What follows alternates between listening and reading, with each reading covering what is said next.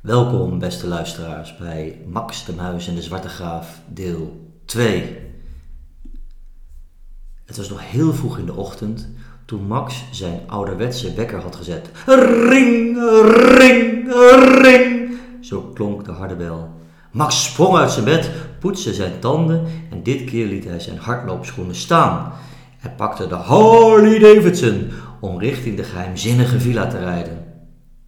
Misschien staat die zwarte koets er nog, zo bedacht Max. Knetterend race hij met zijn Harley Davidson over de verlaten straten naar de hoek van de laan van waar de villa staat. Hij parkeerde zijn Harley, deed zijn helm af en voorzichtig liep hij richting de poort van de villa. Rustig aan liep hij, want hij wou niet dat andere mensen hem zouden zien.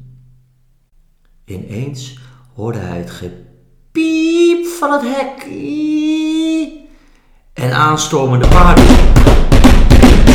Bam! Ineens vloog de zwarte koets door de poort en schoot in volle vaart de laan op. Max stond strak van de schrik, want zelfs superhelden kunnen schrikken. Zeker van zoveel lawaai.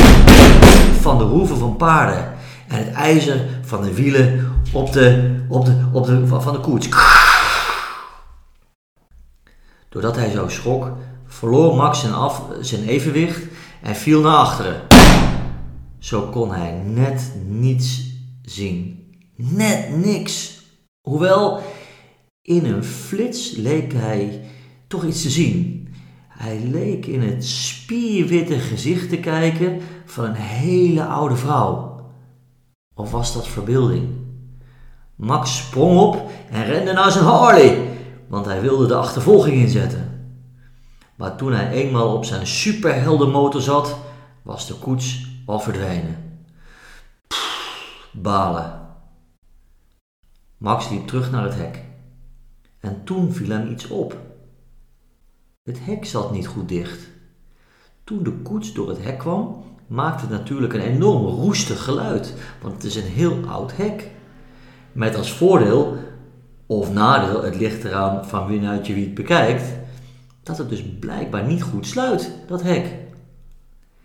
En Max heeft natuurlijk als muis aan een klein kiertje genoeg.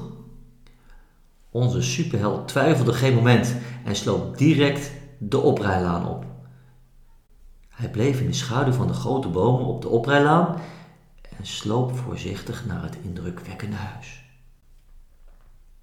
Naarmate hij dichterbij kwam, zag hij pas hoe groot de villa eigenlijk was, maar ook hoe vervallen. De luiken hingen soms scheef en de verf die er ooit mooi op heeft gezeten, ja, dat was nu eigenlijk alleen maar lelijk en, en schilvers.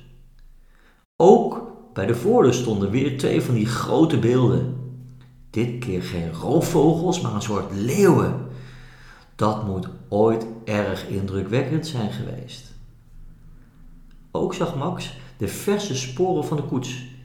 En voetstappen. Hij zag afdrukken van voetstappen. Voorop een paar heel grote schoenen en daarachter een paar heel kleine afdrukken van wat volgens Max overduidelijk damesschoentjes zijn. Verder leek de villa helemaal verlaten.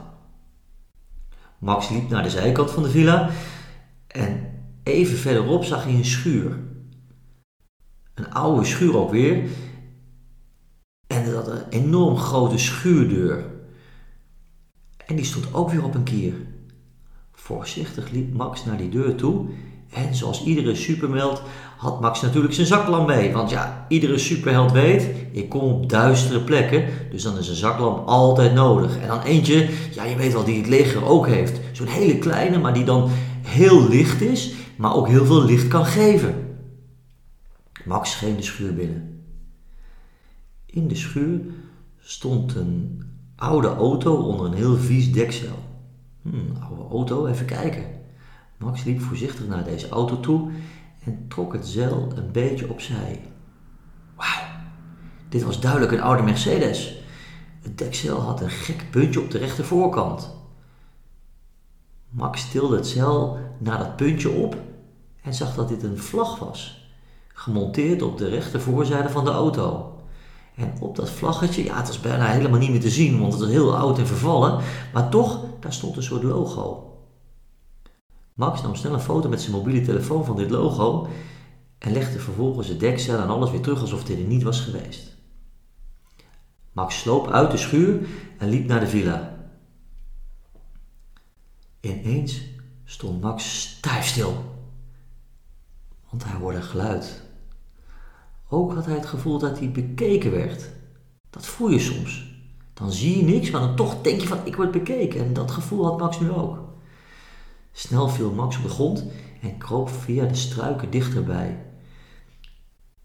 Hij ging richting het geluid. Ja, geluid, het was heel zachtjes nog, maar hij wilde wel weten wat dit was. Andere mensen zouden misschien vluchten of bang worden, maar een superheld natuurlijk niet. Die gaat op onderzoek uit. Want juist als het wat spannend wordt, ja, dan vindt een superheld het leuk. Max kroop dichterbij en het geluid werd inderdaad steeds luider. Het, het leek op muziek. Heel krakerig en onzuiver, alsof het een oude platenspeler was. Zo van heel vroeger, met zo'n zwarte schijf en die moet je dan op een machine doen en dan komt er muziek uit.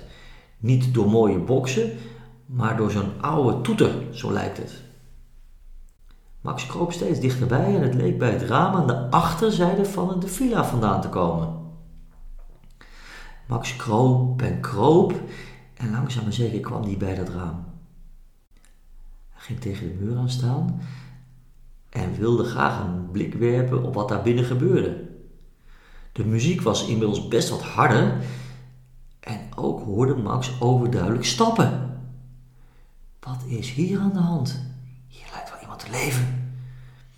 Max kroop naar het raam en ondanks de, de, de, de het vuil en, en, en, en de, de, de, oude gordijnen voor het raam, probeerde hij toch naar binnen te kijken.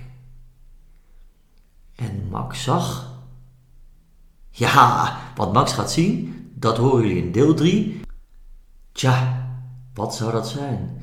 De volgende keer bij deel 3 van Max de Muis en het geheim van de zwarte graaf ga je meer horen. Tot dan.